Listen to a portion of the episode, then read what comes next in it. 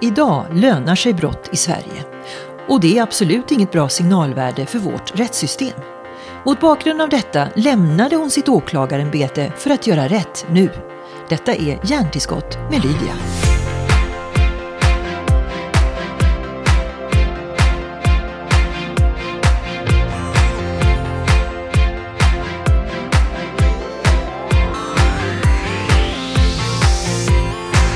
Har tänkt på det, är det någonsin roligt på jobbet som åklagare? Nej men jag kunde ju aldrig känna att jag var jag. Alltså det var lite det som gjorde att jag faktiskt... Eh, jag fick ett erbjudande i och för sig att gå, gå över och jobba lite med annat. Och det var därför jag var tjänstledig i början. Men jag var så här, om jag tänker att jag var inne i en period kanske med något jobbigt här, i någonting. Och så vill man gå till jobbet och få energi. Och så ska man gå till jobbet och allt ska vara så allvarligt. Eh, för jag menar, även om jag har gjort ett bra jobb så kan inte jag visa det. För ett bra jobb betyder då kanske i något fall att någon kommer in i fängelse. Så om jag sitter och har jobbat svinhårt en dag och så hör jag rätten säga precis exakt det jag vill att de ska säga. Vilket betyder att någon åker in. Då kan ju inte jag yes. Utan då får jag ju sitta med min myndighetsmin. Notera det och inombords bara, åh gud vad duktig jag har varit idag. Men jag får inte visa något. Ofta är det ju någonting hemskt som har hänt som gör att personen kommer i fängelse. Så jag kan ju ändå inte vara glad åt situationen heller. Oj, att, vi, vi eh, kom rakt in i ditt ämne. Ja. Eh, välkommen ja. Marie Wallin. Ja. Tack så mycket. Eh, och, och, det var väl lite grann också där jag faktiskt ville börja prata med dig om att du lämnade åklagaryrket för just den här anledningen som du börjar podcasten här med. Ja, Jo, men jag tycker någonstans, om man tänker som man är som person, att man tänker att det ska vara roligt. Alltså utgångspunkten någonstans, att det var därför jag pluggade juridik, jag vill ha ett roligt jobb, jag vill ha kul på jobbet. Och sen så kan jag efteråt se, när jag lämnat åklagare, att det är ju ett jätteroligt och intressant jobb. Men det är inte så att jag kanske skrattade på dagarna, för det passar sig liksom inte. Mm. Men stämmer bilden, jag menar, jag kan erkänna att man tittar på både filmer och serier där åklagare ofta, kan man säga, eh, romantiseras i den mån att de jobbar tappert mot buset eh, med betydligt sämre lön än de välavlönade då försvarsadvokaterna. Jag menar, stämmer den bilden? Är det så stora skillnader? Men jag tror att det är helt beroende på vilken typ av advokat du pratar om.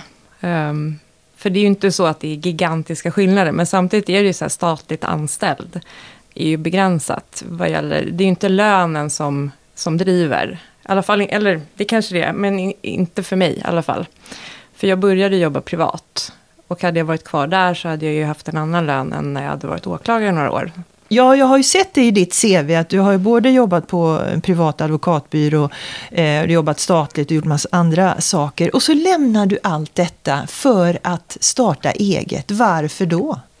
Mm det undrar jag nu mitt i det här med pandemin också lite. Men, nej men jag är ju inte någon sån här entreprenörsmänniska, trodde jag. Alltså drivkraften har inte varit att starta eget bolag, utan drivkraften har varit att jag pluggar juridik för att ha ett tryggt, bra jobb, roligt jobb. Men sen var det olika saker som gjorde att jag lämnade Eh, möjligheten att kunna jobba privat med de här frågorna, det var nog det, att kunna ha en större träffyta. För att myndighetstaket slår du i, oavsett om, om du har en bra arbetsplats och bra chefer. Men det är ändå en begränsad möjlighet att påverka, för du är i en myndighetsroll. Och då var det utifrån att jag hade tagit med mig väldigt mycket, både från Åklagarmyndigheten och polisen eh, kring eh, hur ärenden hanteras, hur vi jobbar, hur man inte har tillräckligt med, i vissa fall kompetens, i andra fall inte förutsättningar att jobba rätt. Eh, och så ser jag att det är väldigt många som då kanske inte får sin rätt eh, som de borde. Och då startade jag min enskilda firma som jag då döpte till Rätt Nu. För att jag också hade suttit med i lite olika sammanhang där man skulle ha en till utredning. En till Eh, workshop. Och jag var så här, nej, eller så gör vi rätt nu. Det finns möjligheter. Vi kan metodutveckla och vi kan använda lagen som den är. Vi behöver inte ha en till rapport. Um, men, men minns du någonting från din tid som åklagare som eh, förstärker det här du jobbar med nu? Alltså de här misstagen eller på något sätt otillfredsställandet i, i rätt, eh, rättvisan? Ja, men, kanske mer inom polisen. För det var väl där när jag var till exempel sakkunnig på internrevisionen. Och det handlar ju inte om att jag egentligen har eh, helhetsbilden heller. Men i de delarna jag har sett så har jag väl kunnat se att väldigt många ärenden som inte hanteras med kvalitet. Om man tycker att kvalitet är att alla ska ha samma chans. Eh, när liksom rättssäkerhet bryts ner, för det är ett så stort ord. Men det var väl den jag såg inom polisen, att det är lite olika beroende på eh, vem som tar emot anmälan, vem som utreder. Att det, och för mig är det så här, nej men så ska det inte vara. Det ska ju vara oavsett om du själv kan liksom fakta och sen kommer vi ner till om du inte kan svenska. Så det var väl någonstans där jag började sådär, men vad är det här med rättssäkerhet? Vad är allas likhet inför lagen? För att jag vet ju om jag skulle anmäla ett polisärende, då skulle jag ju göra det med ingångsvärden, att jag vet exakt vad jag har för rättigheter. Jag vet exakt vilka skyldigheter både polis och åklagare har att utreda de här delarna. Och då börjar jag så här, när man lägger ner väldigt mycket ärenden inom polisen, så börjar jag tänka, vet alla som får sina ärenden nedlagda vad de har för möjligheter att kunna begära någonting som heter omprövning? Eller att kunna säga, men jag har bevisning här som kanske kommer leda hela vägen. Och det var väl de tankarna, framför allt inom man säger, masshanteringen inom polisen, som jag fick möjlighet att titta på. Och sen är det ju liksom vissa delar inom det här som fungerar jättebra. Men sen att det är vissa delar som haltar. Mm.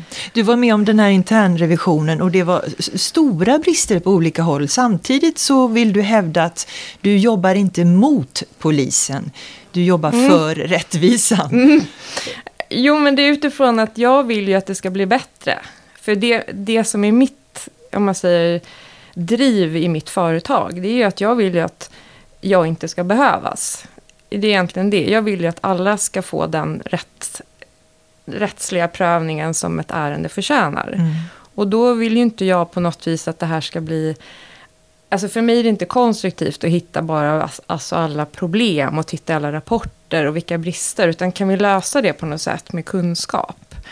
Och då försöker jag ju, jag utbildar ju poliser och polisanställda i, i förhållande just till anmälningsupptagning och hur man ska utreda brott. Och samtidigt så vill jag hålla en fot utanför myndigheterna med att kunna, om man säger utbilda vanliga människor, företagare, att när ni anmäler ett brott, tänk på det här. Vilket jag tänker blir bättre för polisen också, för då får de en bättre kvalitet in. Mm. Och nu talar vi om alla typer av brott egentligen, både eh, misshandel, inbrott, eh, förmögenhetsbrott, eh, mm. alltihopa på en gång. Mm. Eh, och jag, jag, tänker, vi ska eh, lite längre fram i podden också försöka utbilda folk eh, på ett enkelt sätt. Och sen eh, också tipsa lite grann kring hur man ska läsa till exempel dina böcker så att man hänger med. Mm. Mm. Eh, men bara så vi får perspektiv, Marie. Ehm, anmälda brott är inte samma sak som faktiska brott. Och det är heller inte detsamma som handlagda brott. Mm. Eh, eh, och vi vet att 1,57 miljoner handlagda brott förra året eh, innebar att man gjorde inget alls åt över hälften av brotten. Kan du bara mm. reda ut det här perspektivet? Vad är det vi pratar om? Så för, vi förstår eh, det, det mm. stora och det allvarliga i det här. Nej, men om man börjar med att den statistiken som det här kommer från, det är ju Brottsförebyggande rådet som har liksom det ansvaret i Sverige och föra kriminalstatistik. Och då är det lätt att man pratar om det de har siffror på som om det är brottsligheten i Sverige. Och då kallar jag det för den faktiska brottsligheten, alltså det som pågår hela tiden. Men det är ju bara de som faktiskt har anmält brotten, eller om att det är en granne som hör att det pågår en misshandel som anmäler åt dem det handlar om. Det är ju bara de som finns i statistiken. Så därför måste man ju skilja på anmälda brott eh, kontra faktiska brott. Och det är då man börjar prata om det här mörkertalet. Så det är en sak att man liksom inte kan titta på statistik och säga ja men nu har bedrägerierna gått upp. eller nu har misshandlarna gått ner. Utan det är så här, anmälda bedrägeribrott har under den här perioden ökat. Eller misshandeln mot kvinnor har minskat. Men det är det här som Utifrån- media också eh, bollar med lite som de vill ibland. Jo, men det är väl lite det man säger där med statistik. Alltså hur man läser den och hur man tolkar den. Men det är klart, det är ju ett jätteviktigt verktyg. Men det är väl lite så här, man får nyansera det. För sen är det ju väldigt många saker som någon tycker är ett brott. Men så tittar man på det med kvalitet så ser man att det är inte ett, till exempel olaga hot. Du tycker att du har blivit hotad. Ja, men det kvalificerar inte in för ett olaga hot. Så kan det vara. Mm. Och då blir inte det heller rätt att säga det här brottet som har anmälts är ett brott. Utan det var ju vad du tyckte var ett brott. Just det. Så det är därför när man, när man kommer in och blir nördig i det här, vilket jag är, så blir jag ju ibland lite irriterad när debatterna inte är sakliga. Och då är det det här... Och det är för att folk inte kan eh, begreppen helt enkelt. Ja, alltså det är väl det när man kan någonting väl. Och då blir det ju väldigt irriterande när det inte är liksom rätt saker som sägs på rätt sätt. Och Mm. jag tror särskilt som jurist är man ju lite extra hjärntvättad i det här. Liksom, Det är klart. Prata nu sakligt, blanda inte in det där. Och det är vi glada över att ni är hjärntvättare. Men du, då, Ja. Mm. då är det så här, anmälda brott. Okej, då vet vi. Det är ett mörkertal, men det är ett visst antal brott som anmäls. Sen blir de handlagda. Vad är skillnaden då mellan anmäld och handlagd? Det är när något form av beslut har fattats under ett år. Och det är det som då Brottsförebyggande rådet följer upp och ser vilken typ, alltså av alla de här, för det, är ju, om man säger, det kan ju vara anmälda brott under ett år som kan vara årsskiftet eller sådär. Men sen tittar de kalenderårsmässigt. Vad har hänt med de här som är då grunden såklart anmälda brott. Men då använder man ordet handlagda brott, det vill säga någon form av beslut har fattats. Ehm, och då är det till exempel att man har lagt ner en förundersökning eller man har eh, fattat beslut om att den ska gå vidare till åklagarmyndigheten eller att man till exempel då har bara låtit ärendet komma in och så direkt lägger man ner. Det är ändå handlagt. Ja, och det är det som då är en ganska hög siffra, ungefär hälften, som kommer in och inte ens får komma in. Och nu kommer vi till kärnan här, för det här eh, säger du har blivit värre. Alltså av de totalt handlagda brotten som vi nu har lärt oss, det är när någon har, egentligen har tittat på det och fattat något form av beslut. Hälften av dem lägger man ner nästan direkt. Och det här, det här är en siffra som ökar, kan du säga det? Ja, beträffande vissa brottstyper, så, och då har jag jobbat väldigt mycket med bedrägerier. Och det ser man också, det blir ju fler anmälda bedrägerier. Och då blir ju den procentuellt en större del för att väldigt många av dem läggs ner direkt, ungefär 70 procent. Så det är väl där man kan se att, och, det, och med det sagt, det är inte så att alla de här anmälda brotten skulle bli fällande domar. Men utifrån att om man ser att det är ändå någon som har tagit sig tiden och anmält ett brott med tanke på att vi har ett jättestort mörkertal också. Så om man inte har en uppföljning på de där 50-51 procenten eller för bedrägerier runt 70 eh, då är det svårt att säga att det är rätt. Och i och med att jag vet att det inte följs upp om de här nedlagda är rätt eller inte. Alltså per automatik så följer man inte upp det nedlagda utan man följer bara upp det som går vidare till åklagarna. Och det är väl den bristen jag ser att om alla som anmäler brott direkt får en hej men nej, det blir inget. Vet de om att de kan begära omprövning? Skulle det ärendet kanske kunna bli någonting? För jag är för egen del, om jag skulle få en sån direktavskrivning, då skulle jag ju direkt, nej men jag vill ha en omprövning. Jag vill att en åklagare tittar på det här. Och det är det första man ska lära sig om man inte är nöjd när, när något läggs ner. Ja, utifrån den här, alltså, och, det, och det är det här också det kräver egentligen kunskap, att du vet vad kan bli något och inte. Så det är en annan sak i det här som jag, som jag själv tittar på. Varför skulle jag driva, jag menar om jag blir av med en cykel och jag vet att nej, det finns ingen chans att det händer någonting, då anmäler jag den för att det såklart ska in i statistiken. Och ofta är det försäkringsbolagen som vill ha en polisanmälan. Men sen skulle inte jag förvänta mig någonting av polisen, så där skulle inte jag begära en omprövning. För det är för att jag vet att bevisningen finns inte. Men det är också så här, det är tillbaka för att jag har jobbat med det. Och det kanske inte någon annan vet. Ehm, Vad är det man tjänar på det här om man har lite mer kunskap eh, kring det här då? Ja, det är ju för att du får en kvalitet helt enkelt. Att ut, utifrån att en, en del av, som jag ser rättssystemet, det är ju att de som tar emot anmälningar, i det här fallet har vi ju bara en myndighet, det är polisen. De ska ju vara kvalitetssäkrare. Eh, men sen visas ju i lite olika rapporter att det brister. Och sen anledningen till det, det är ju det som jag tycker är ointressant. För det är inte det, är inte det som medborgarna ska. Men däremot ska du veta att du har rätt att begära en omprövning. Och med det kan du ju faktiskt få en rättssäkerhet. För då får du bli hörd. Du kanske hade ett vittne som du också ville. Att det finns i alla fall förutsättningar.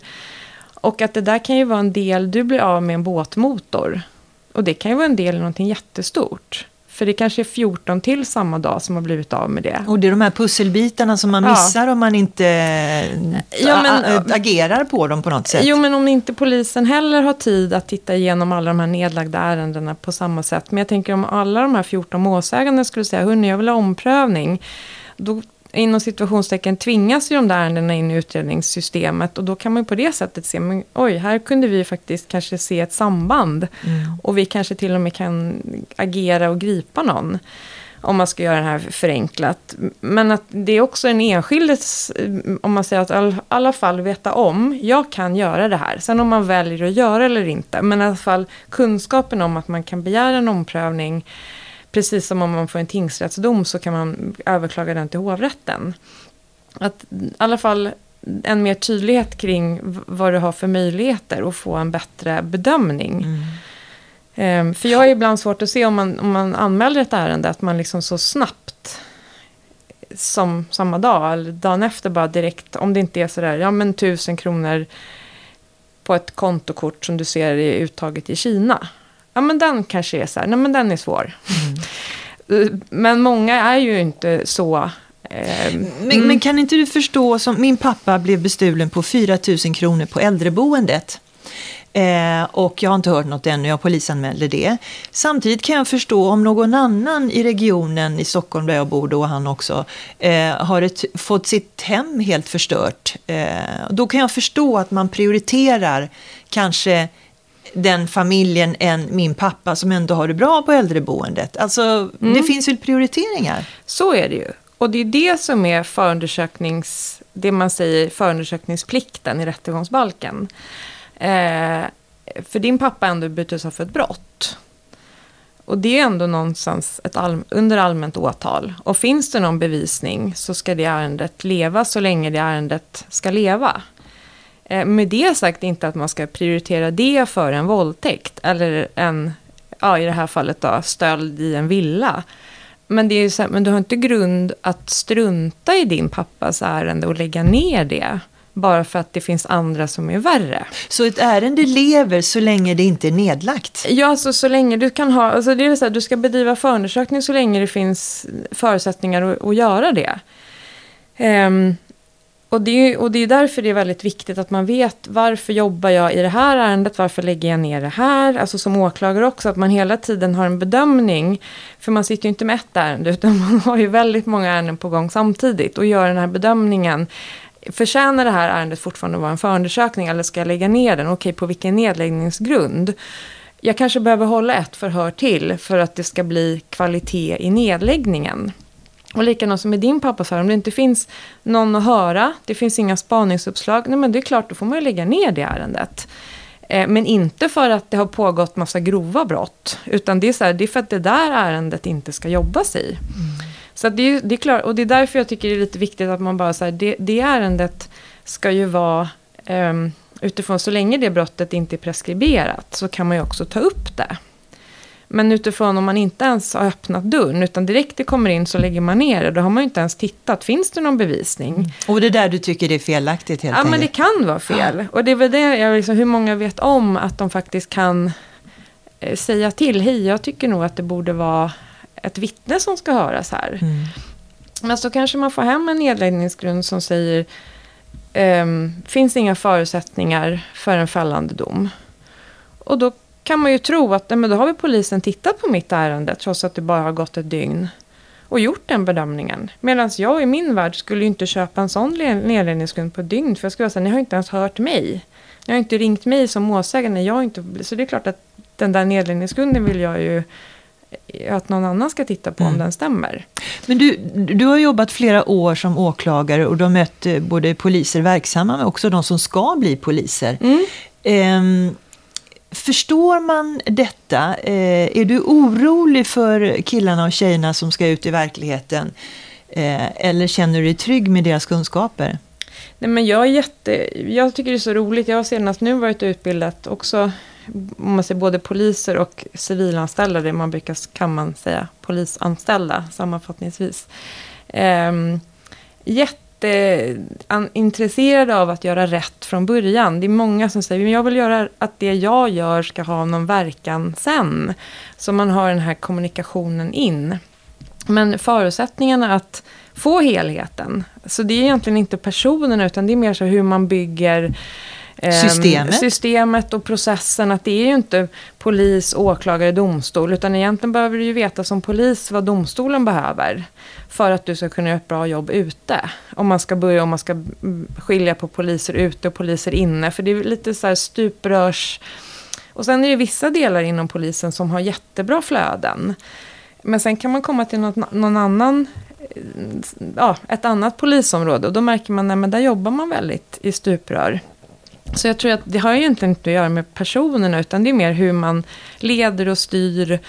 Um, och jag föreläser alltid mot åklagarmyndighetens regler. För att det är åklagarna som ska driva det i rätten. Och jag menar poliserna har samma kapacitet att klara av de reglerna som vi åklagare. Även om eller vi, nu är jag inte det längre, men jag fortfarande tänker åklagare. Det är ju inte någonting som kräver att du är, åh jag är åklagare, så då kan jag det här, utan det handlar mer om att man har olika roller. Men ärendet börjar ju hos polisen och det förtjänar ju att polisen vet vad som krävs i slutet. Men det du säger här nu och det vi vet hittills, skulle du säga att brott lönar sig i Sverige idag? Ja men alltså, ja. Ja, men varför är de internationella stöldligorna här? Och du säger, varför skulle de inte vara här? För att vi jobbar liksom, vi har jättemycket möjligheter. Även om det finns potential att förbättra med eh, större möjligheter med hemlig telefonavlyssning. Att man kan lägga ihop brottsvärden eh, och så som inte finns möjligheter idag. Att förmögenhetsbrotten till exempel är väldigt svårt att få hemlig telefonavlyssning på. För att man har en enhetsbedömning i rättegångsbalken kring att få. Och sekretessbrytningar behövs förändras. Alltså, men det går att jobba väldigt mycket mer effektivt med det vi har idag. Men så länge vi inte gör det så har vi jättemycket fina kapitalvaror. Um, liksom jämfört med många andra länder. Och sen så begår man brott här ganska riskfritt. Och sen i väntan nu, det kommer ju dröja ytterligare innan tullen får möjlighet att ingripa. Så att Um... Och skälet till att man kan jobba som internationell liga riskfritt, är det för att vi är naiva eller för att det är för fel på systemet? Eller är det vi vanliga dödliga som måste bli duktigare på att inte acceptera nedläggningen av det eventuella nej, anmälan? Nej, men just där tror jag att vi, och sen är det ju inte att det, att det kanske är riskfritt, men det, men det är ändå så här signalvärdet är att här kan man begå brott utan att det blir så stor konsekvens. Så är det ju. Men jag skulle säga att det är metodutveckling. Att man till exempel har mera som en normal rutin att alltid kontrollera hur de har betett sig i sina hemländer. Och det här är också lite så när man pratar, för att det handlar inte om att man är utifrån ett utlandsperspektiv eller utlänningar, utan det är mer så personer som kommer hit med syfte att stjäla Eh, och har begått brott tidigare hemma. Då är det väldigt viktigt att vi kontrollerar, inte belastningsregistret i Sverige, utan belastningsregistret i deras hemländer. För att helt enkelt deras CV, vad har de gjort innan de kom hit? Så det handlar inte om att man ska jaga utlänningar, utan det är mer så för att få ett bra underlag till domstolen. För där kan man ju titta, om man nu har lyckats gripa dem, eh, hur har den här personen betett sig tidigare i sitt liv? Och sådana enkla metodutvecklingssaker, att man ser till att man direkt då engagerar våra europeiska kollegor. Eh, om det är någon utländsk medborgare. För då får man under den tiden som man har personen i utredning veta hur, om det är någon från till exempel Litauen. Hur har, och då kan man få fram att han är dömd tidigare för stöld. Och då kan vi få en fängelsedom för att det är återfall i brott. Um, och, och det blir ett signalvärde, så det är det. Det handlar inte om att man, alltså som åklagare också var det inte så att jag bara, åh fängelse, gud vad bra. Men det handlar lite om att nu kanske du på det sättet kan få lite ringa på vatten för andra. Framförallt om man säger utländska personer. Istället för att vi tittar i svenska belastningsregister så ser man tidigare ostraffad. Ja, då blir det villkorlig dom och böter. Och så slipper de fria och så fortsätter det helt enkelt. Ja, men det är lite den, och det är därför det är, när man säger varför är de här, det är därför jag säger varför är de inte här. Så länge vi låter dem få de här snälla påföljderna. För det handlar ju också om, inte att, att man ska, alltså i min värld, det handlar inte om att sätta dit, utan det handlar om att det ska bli rätt.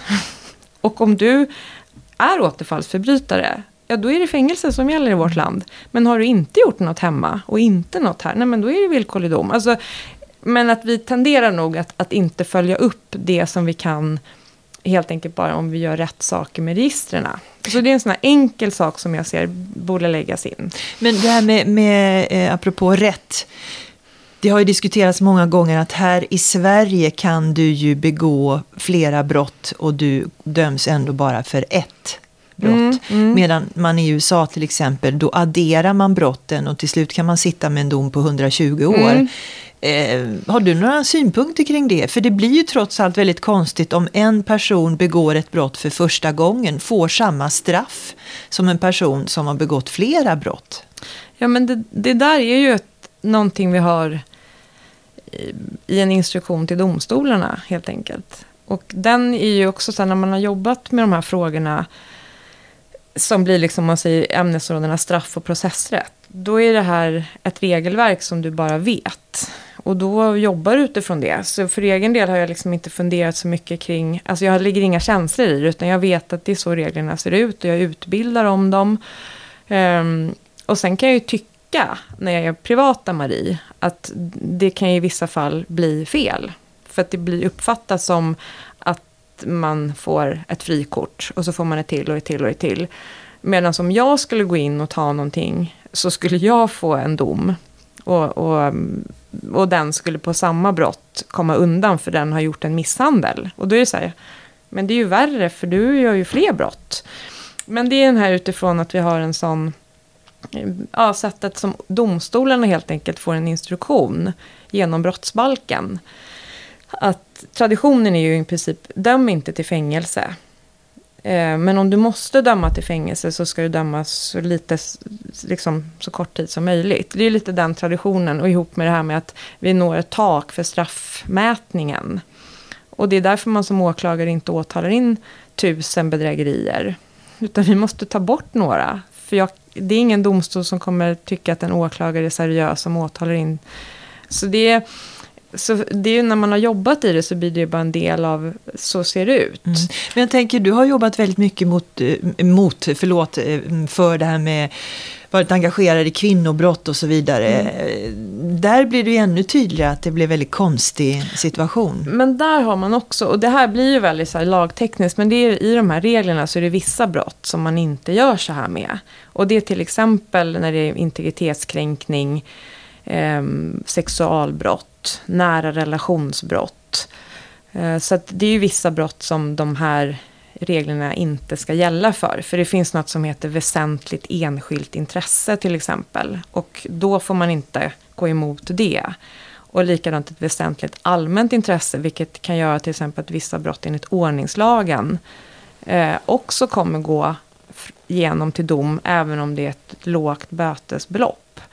Så det är lite så att så det där regelverket är ju tänkt att kunna justeras. Så till exempel sexualbrott och relationsvåld ska inte bli rabatter, om man nu kallar det för det. För det är det lite som sägs. Ja. Um, men, men sen är det ju eh, såklart om du sitter i en situation där du har väldigt många misshandlar och väldigt många hot i en nära relation.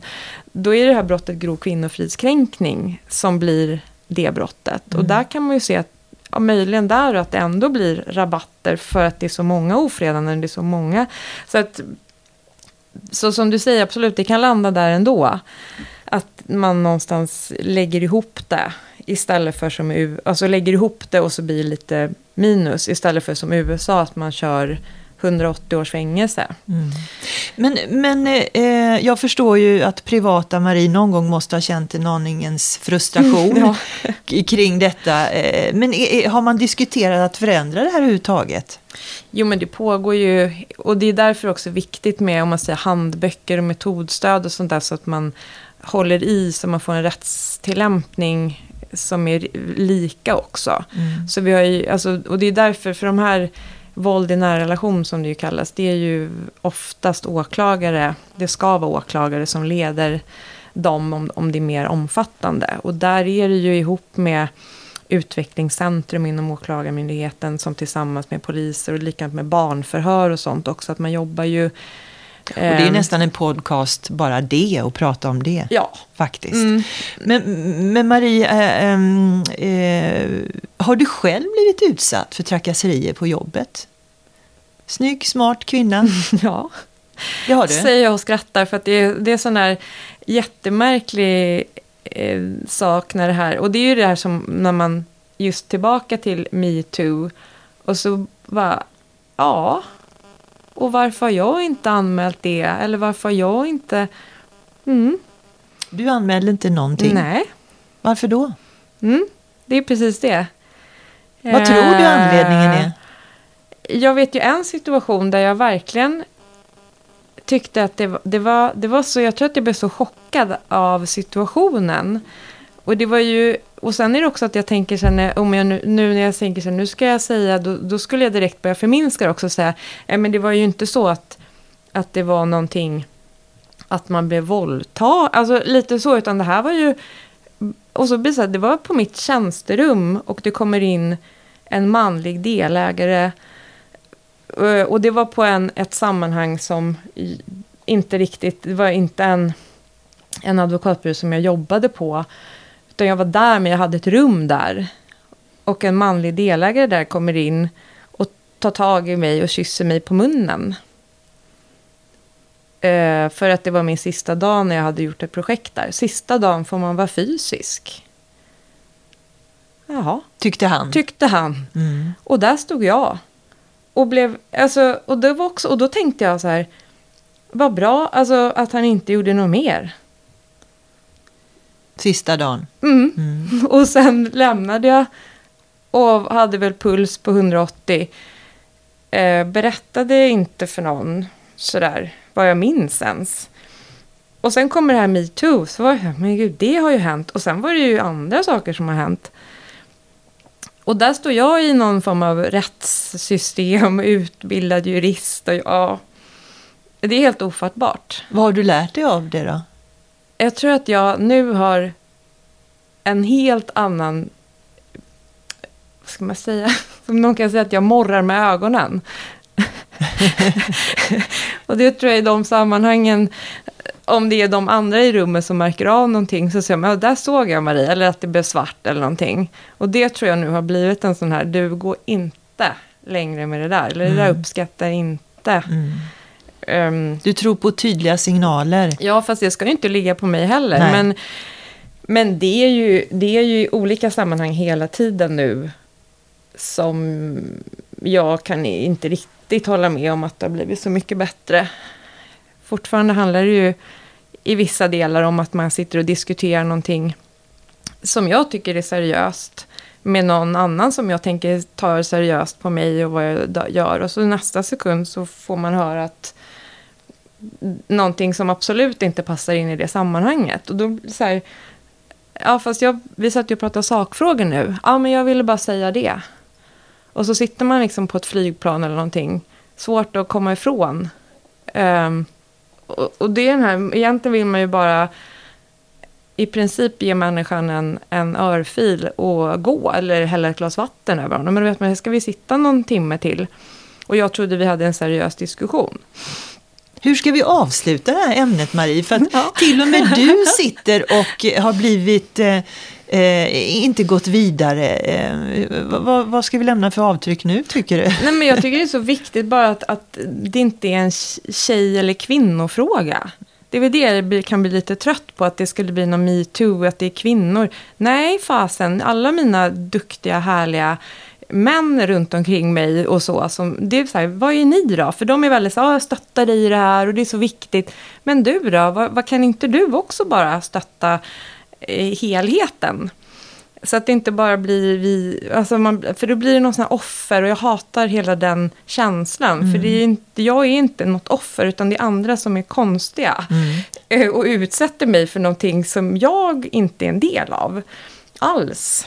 Men så jag kan tycka någonstans i ett helhetsperspektiv att det ska inte vara vi som träffas av det. Utan de som också är en del av samhället och tycker det här är fel. Mm så där någonstans. Men, men i, vänt, liksom i väntan på det så försöker jag bara värja mig tror jag genom att jag är väldigt tydlig. Och morra med ögonen. Och morra med ögonen. Mm. Det är bra, bra tips. Men, men sen är du ju väldigt mycket i förorterna. Och, och, och för jag vet ju att mm. du har, har ju på baksidan eller de sista sidorna i dina båda böcker, för du skriver brott för, för företagen och brott för privatpersoner och sådär, lite tips och råd och statistik. Men du, eh, i slutet på böckerna så står det på flera olika språk. Mm. Um, vad, vad, vad, vad gör detta i förorten?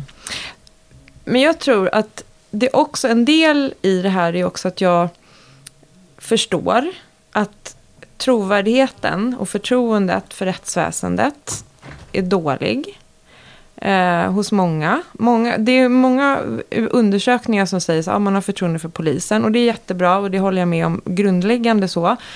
Men sen utifrån att otryggheten i samhället är stor och sen om man tittar på vissa personer och pratar med vissa personer mer öga mot öga så är det ju så här, nej men jag skulle aldrig polisanmäla för jag litar inte på eller jag har inget förtroende för eller jag förstår inte vad de säger. Och där någonstans hittade jag den första, om man ser infallsvinkeln på det här, att jag har ju jobbat som åklagare ute i Järva. Eh, och väldigt mycket där är ju eh, kring Alltså inte att du inte förstår egentligen vad det handlar om, men du förstår inte språket. Och jag vet ju själv bara när jag är utomlands och inte kan språket, då känner jag mig korkad. Jag är ju inte korkad, eller inte mer än någon annan. Men just i något land där jag inte fattar språket så blir jag ju dum. För jag kan Såklart. inte uttala mig, jag pratar ju som en femåring då på spanska. Med dåligt uttal och allt. Men man vill ju ändå försöka. Och det är ju ett sätt att förhålla sig till rättvisan också. Att varför kliver man ut och säger nu ska alla vittna här för de ska ha sett saker. Jaha, varför då? När man inte tror på systemet, varför ska man då bidra och också kanske bli utsatt själv för hot och våld för att man då ställer upp, om man säger så. Så det var någonstans där jag tyckte så här, men om jag kan gå ut som före detta åklagare, det vill säga någon som de kanske då har lite författade meningar kring, för man kliver kanske in där och ser till att någons eh, son eller brorsa blir anhållen och senare dömd. Alltså det är lite, jag jobbade med ungdomsbrott. För att jag gör inte det för att jag ska jaga den personen, utan det är ju för att någon har begått ett brott som är under allmänt åtal, då driver jag det till att det blir en dom. Så jag vet ju själv hur signalvärdet är som åklagare där ute. Det är ju inte den, liksom, för vissa, den, den bästa personen. Men det är utifrån att jag vill ju även att den, alltså man säger den som är misstänkt, för mig spelar inte alla ska ju förstå vad det handlar om, vilka rättigheter och skyldigheter. Och då blev det ett driv för mig i sig, att om jag börjar där, och prata rättigheter med dem. Eh, som kanske absolut inte har förutsättningar. De känner inte någon som har pluggat juridik. De har inte någon pappas pappa som kan någonting. Eller, eh, och så höll jag mina informationsmöten ute i Rinkeby och Husby. Eh, och såg till att jag hade tolkar där på plats. Och det var vissa rättstolkar som kom och, och sa så här, nej men jag kan inte debitera det här. Det här är så bra. Eh, och likadant lokalhyren. Och sa, nej men vi kan inte debitera dig, för det här är för bra. Det är ingen som kommer ut hit och pratar med oss om rättigheter. Så det var därför jag också med mitt, med mitt lilla bolag nu, att jag tänkte jag ger ut den här boken på svenska, men i vart fall vill jag ha vissa delar översatta av någon som kan. Och, och så betalar jag för det.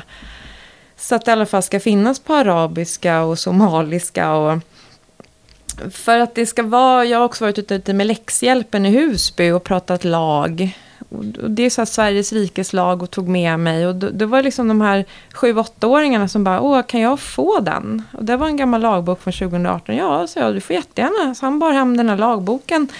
Och var jättestolt, för det är Sveriges rikes lag, det är vår lag. Och det är ju sånt som jag säger, ja, det är ju en självklarhet. Men om det inte är en självklarhet för dem, varför är det inte det? Nej, men det är för att ingen är där i ett sammanhang som är positivt vad gäller myndigheter och polis. Utan det är polisen kommer för att det har hänt något. Eller en åklagare anhåller någon. Alltså, myndigheten är ju någonting, i alla fall min erfarenhet, något negativt. Mm. Och då har jag ju nu, inte så att jag är någon så här, åh halleluja, nu ska jag, men det är lite så här, jag tycker att det är ganska jobbigt är det, för att jag vet att det finns en möjlig hotbild också, för att jag kliver ut och ställer mig och pratar öppet om vad jag har för bakgrund och och samtidigt en väldig befrielse i att nej, men jag är här i rätt ärende. Så jag ska kunna vara här trygg. Um... När jag hör det här så ser jag titeln framför mig. Åklagaren som försvann ut genom dörren och gjorde rätt nu. Den är bra. Den är bra. Marie, supertack för detta. Ja, och jag får hålla tummarna för övriga äh, böcker. Ja. Tack.